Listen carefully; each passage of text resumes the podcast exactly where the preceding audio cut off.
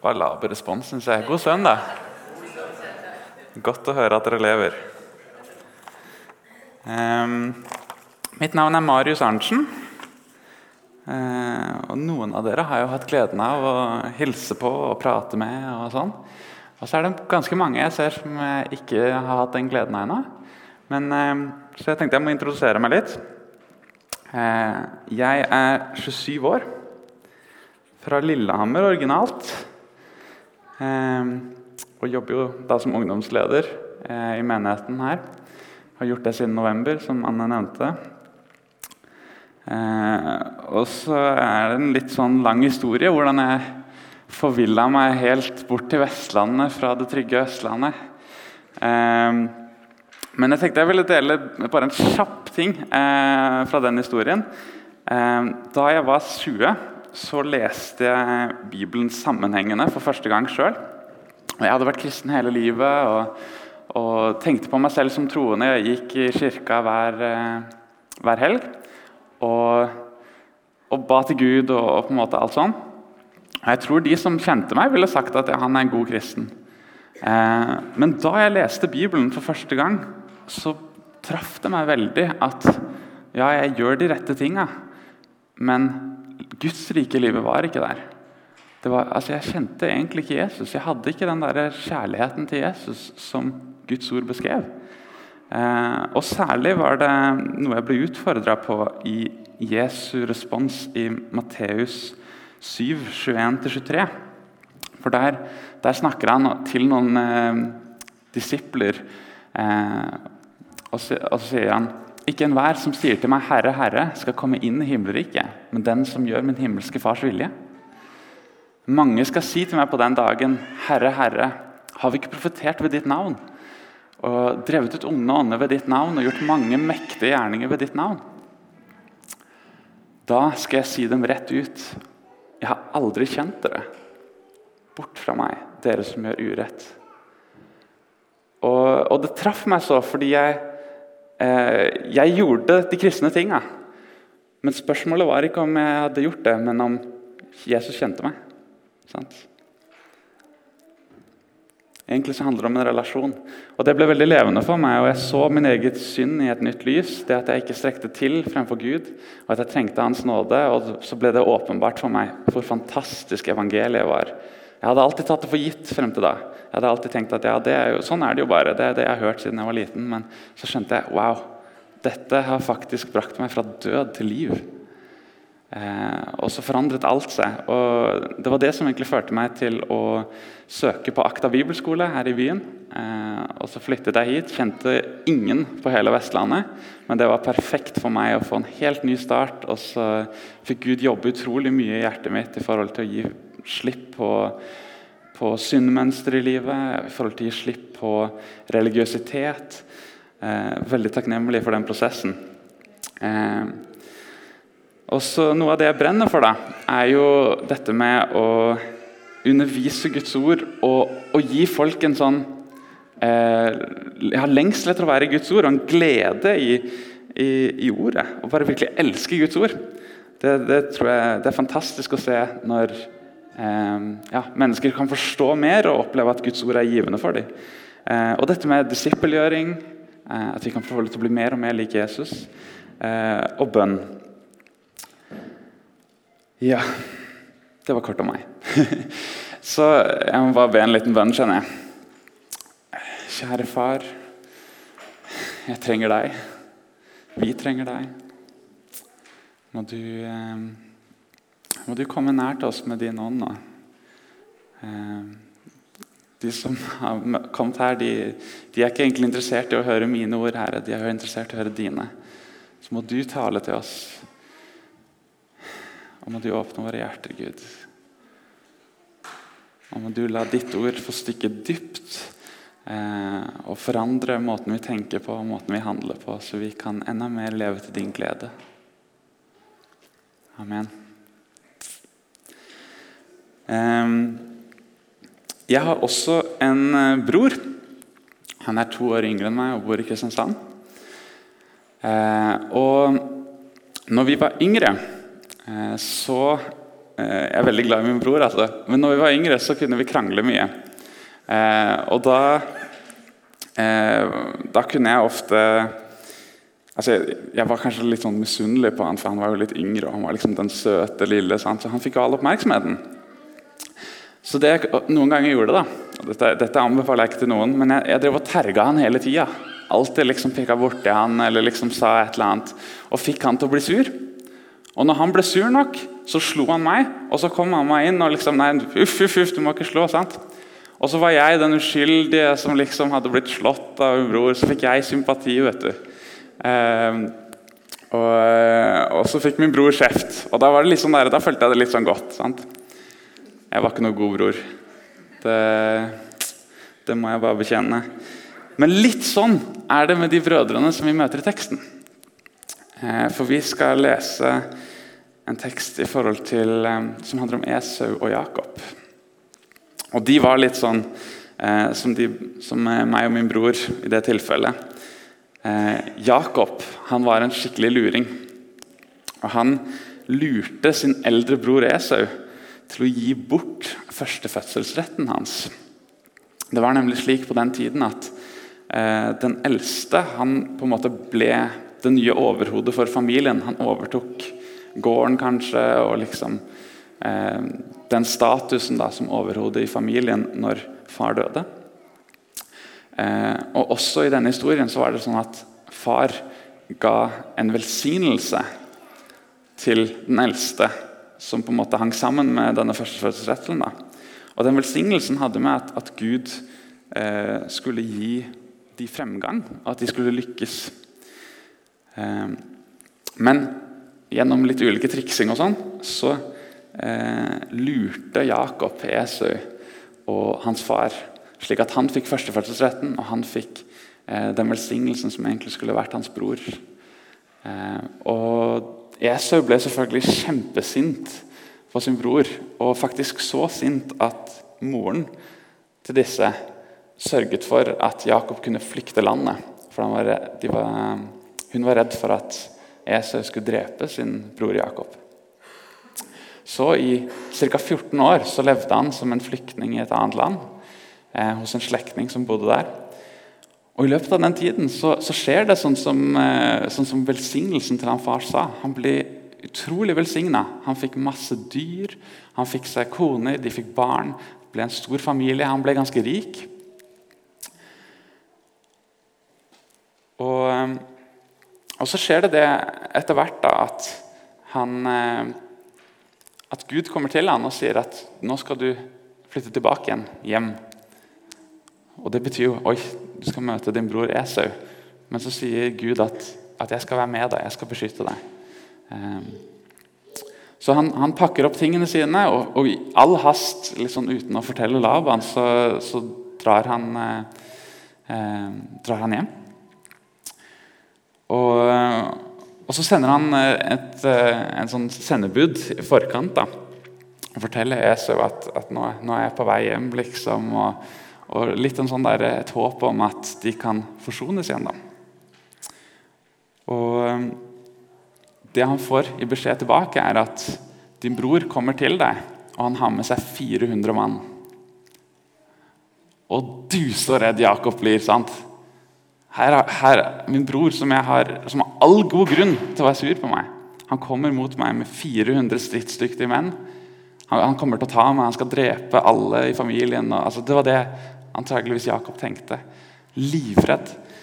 Eh, så det han gjør, er at han eh, før de møtes, så lager han ulike gaver. Og så sender han de med tjenerne sine. Han, ulike mengder av sauer og, og sånt. Og så sender han de i forveien og så sier han til tjenerne når du kommer til Esau, så si at dette er en gave fra din bror, din tjener Jakob. Eh, så sier han, og så håper jeg at jeg skal få blidgjøre min eldre bror da, med disse gavene. Eh, og Rett før han eh, skal til å møte sin bror, så har han en sånn kamp med Gud. Og Det er en veldig interessant beskrivelse. Jeg anbefaler dere å lese det sjøl, for jeg har ikke tid til å gå inn i det. Men han kjemper med Guds engel gjennom hele natten. Og så holder han fast på han og sier jeg slipper ikke før du velsigner meg. Og så slår engelen hofta ut av ledd på han. Men, men gir til slutt velsignelsen, da. Og så står det etterpå at, at Jakob sier at han har kjempet med Han har sett Gud ansikt til ansikt og ennå berget livet. Og Dette er litt viktig pga. den historien vi nå kommer til. da.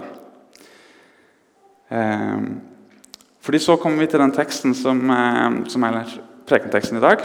og Det er fra Første Mos eh, bok 33. Og Vi kan få den opp på skjermen, håper jeg. Eh, der står det Jakob så opp og fikk øye på Esau, som kom med 400 mann.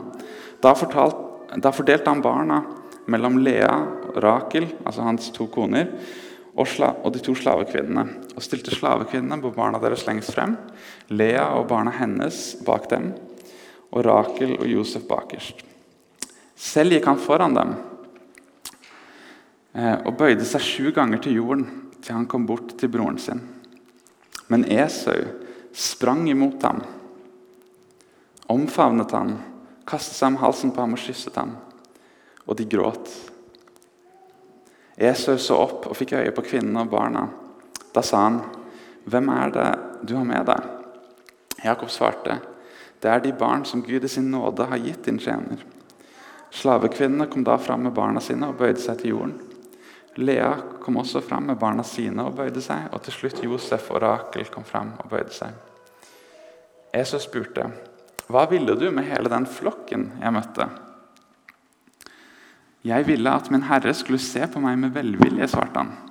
Da sa Esau, 'Jeg har rikelig, bror. Behold du det som er ditt.' 'Nei, kjære', svarte Jakob.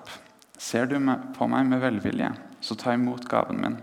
For da jeg så ditt ansikt, var det som om jeg så Guds eget ansikt. Så vennlig var du imot meg. Ta nå imot gaven som jeg lot sende til deg. For Gud har vært nådig med meg, og jeg har alt jeg trenger. Jakob ba ham så inntrengende at han tok imot gaven.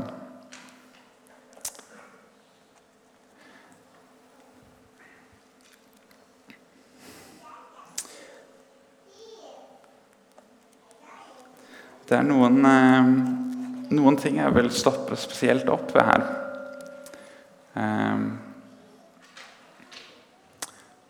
det står i vers 3 at han selv gikk foran. Og eh, det bare fikk meg til å tenke på noe eh, som jeg hørte denne uka. Sant? Han valgte selv å gå først, og så barna og kodene bak. Enda han tenkte at her kommer min bror Esau for å drepe oss. Jeg går selv først. Og så tenkte jeg bare på er, er vi våre barns beskyttere på det viset? At vi går i første rekke og tar risikoen. Eh, at vi eh, ja, sørger for at, at de er trygge. da. Eh, og Det var en ting jeg hørte denne uka, for vi har hatt sånne, sånne bibeluker på eh, regionskontoret i Sandnes med ledelsen i NLM. Eh, og Der var det en, en, studie som sa det at 70% av de som vokser opp i våre forsamlinger, de forlater troen av, stort sett i løpet av sju årene. 70% av våre egne barn forsvinner ut av kirke, ut av menighet, ut av alle ting. Og så er det ikke sikkert at det stemmer akkurat i vår forsamling, men jeg er helt sikker på at alle, alle dere vet om noen som har forlatt troen eh, av ulike grunner. Og jeg bare kjente Det traff meg så i hjertet altså at, at 70% av våre egne barn eh, og og Jeg kjente virkelig en sånn derre Dette er ikke greit. altså Vi må kjempe for dem. Sant? Kjemper vi for våre barn? Er vi, er vi villige til å liksom kjempe i bønn? Eh, til å stå opp for dem? Eh, og En annen ting som, eh, som, også ble nevnt i den sammenhengen, var at eh, i kirke- og menighetssammenheng så bruker kanskje barna 50 timer i året Men i hjemmet, den tiden du har med barna som forelder, da har du kanskje 3000 timer hvert år som er utenom på en måte andre aktiviteter, hvor du har mulighet til å gi troen. Det er så viktig for foreldre å, å være tydelige forbilder. Da. Og den, den, viktigste tingen, ifølge en sånn undersøkelse fra USA, som er forskjell på om barna blir eller ikke, er hvorvidt de hadde autentiske kristne forbilder. Og spesielt foreldre. Og med det mener jeg at, at det var en ekthet, det var en sammenheng mellom det man sa, og det man gjorde. Liv og lære gikk hånd i hånd.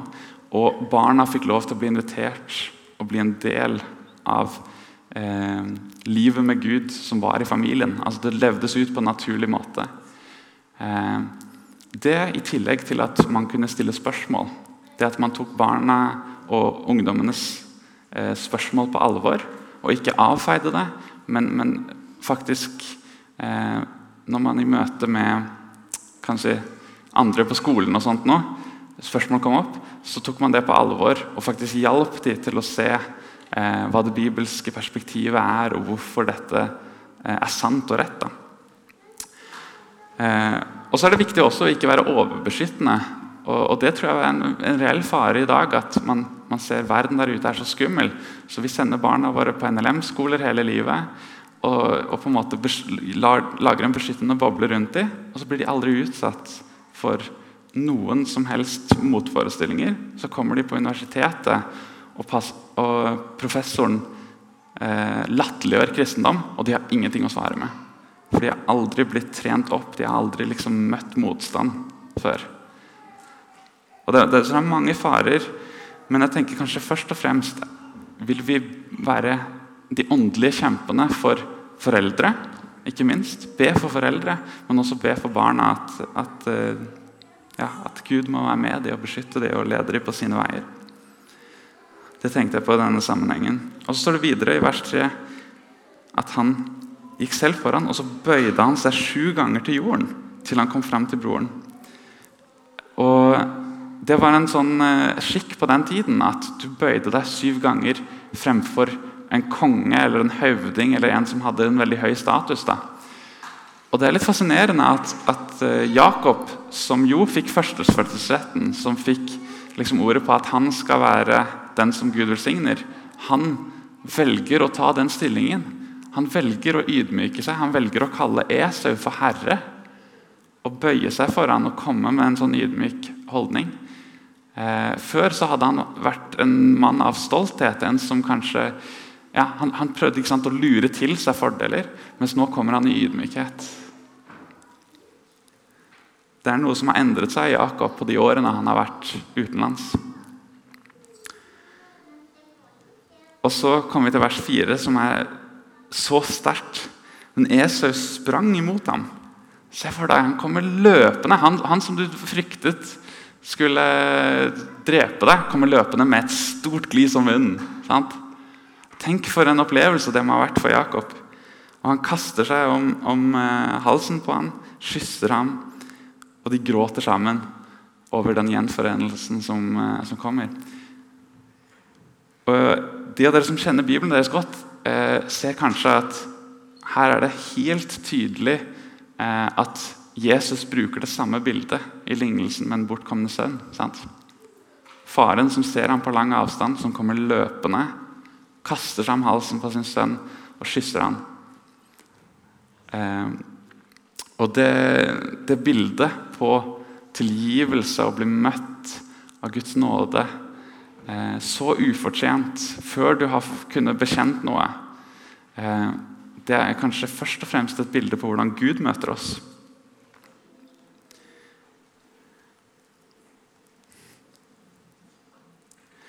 Og så har jeg tenkt litt på en ting som er i konteksten av her. At hvordan møter vi Gud? Fordi det står i, i innledningen til teksten at Jakob han sendte gaver. sant? Og så spør eh, Esau hva var meningen med alle disse gavene. Hvorfor eh, sendte du den flokken som jeg møtte? Og så sier han at 'jeg vil at du skulle se på meg med velvilje'. Hvis, hvis Gud er er vi dette bildet. da. Møter vi han med at vi sender gaver i forkant? Når du, har, når du har syndet og gjort et eller annet som du skammer deg over, er det sånn at du bruker en to-tre dager hvor du er litt ekstra i bønn, eller hvor du sørger for at du gjør litt gode gjerninger før du egentlig kan komme til han og be om tilgivelse? Eller vet du at pga. Jesu blod så står det at vi kan frimodig Vi kan frimodig få lov til å komme fremfor Hans trone og be om nåde og hjelp i rette tid. Du er ikke noe mindre elsket og du er ikke noe mindre et Guds barn når du har feila. Jeg tror nesten enda mer, akkurat sånn som vi leser i Den bortkomne sønn, jo enda mer når du har virkelig har feila, så vil jo vår himmelske Far løpe oss i møte.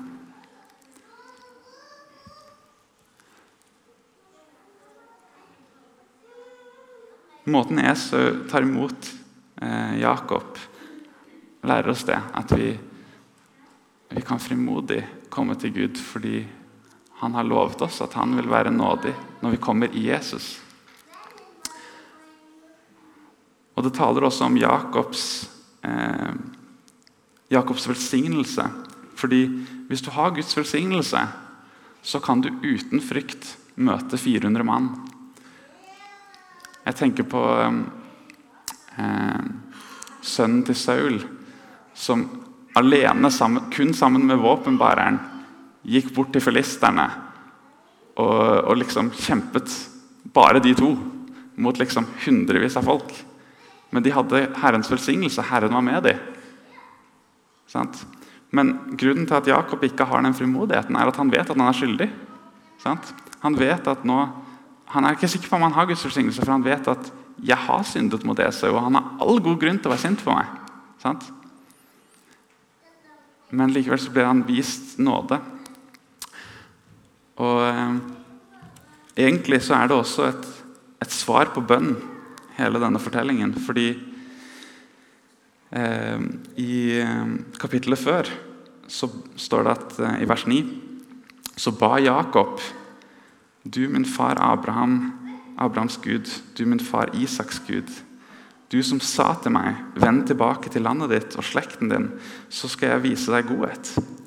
Jeg er ikke verdig all den miskunn og troskap du har vist din tjener.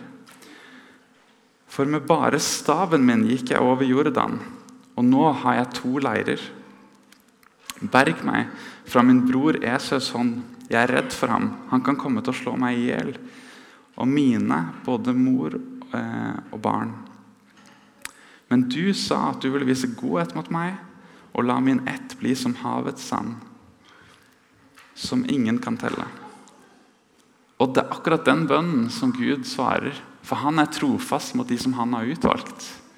Og Når han inngår en pakt, så bryter ikke han den. Eh, og Derfor så, så, er dette en sånn fantastisk oppmuntring til oss at, at vi, må, vi må komme til Gud og eh, ja, komme til Gud akkurat sånn som jeg er, men med den ydmyke holdningen som Jakob her viser. At han han har, blitt forandret i løpet av de årene. Han er ikke den som bare tar seg til rette og tar det han uh, føler han fortjener. Nei, han kommer i ydmykhet. Han bøyer seg. Han kaller han for herre.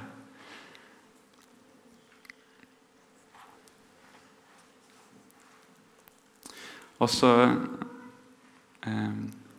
så er det viktig at vi også eh, viser den samme nåde til de som har gjort noe galt mot oss. Eh, vi hørte i leseteksten som Anne leste, at, at eh, viktigheten av tilgivelse. egentlig.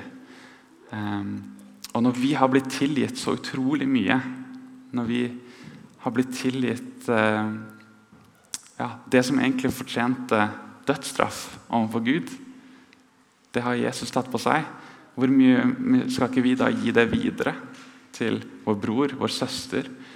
Så hvis du, hvis du sitter her og du blir minnet nå om at det er noen som har noe imot deg, eller noen som du trenger å tilgi, enten å få tilgivelse eller gi tilgivelse for, så gjør det med en gang. Ikke drøy med det, fordi det hindrer faktisk eh, Guds nåde å, å være en del av livet ditt.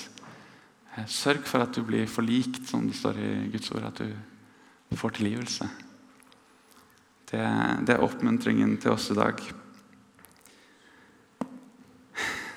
Takk, Gud, for at du er full av nåde. Takk for at det er en ny nåde også i dag. Jeg ber for eh, den som eh, sitter og hører på, og som kjenner at de virkelig trenger nåde i dag. De trenger å vite på ny at, eh, at din nåde gjelder dem. Ber om at du må vise det for deres hjerter. At, eh, at du er som eh, faren til en bortkomne sønn. At du løper i møte. At du er som Esu. At med en gang vi kommer til deg i ydmykhet, så kommer du med nåde. Du elsker å komme med nåde.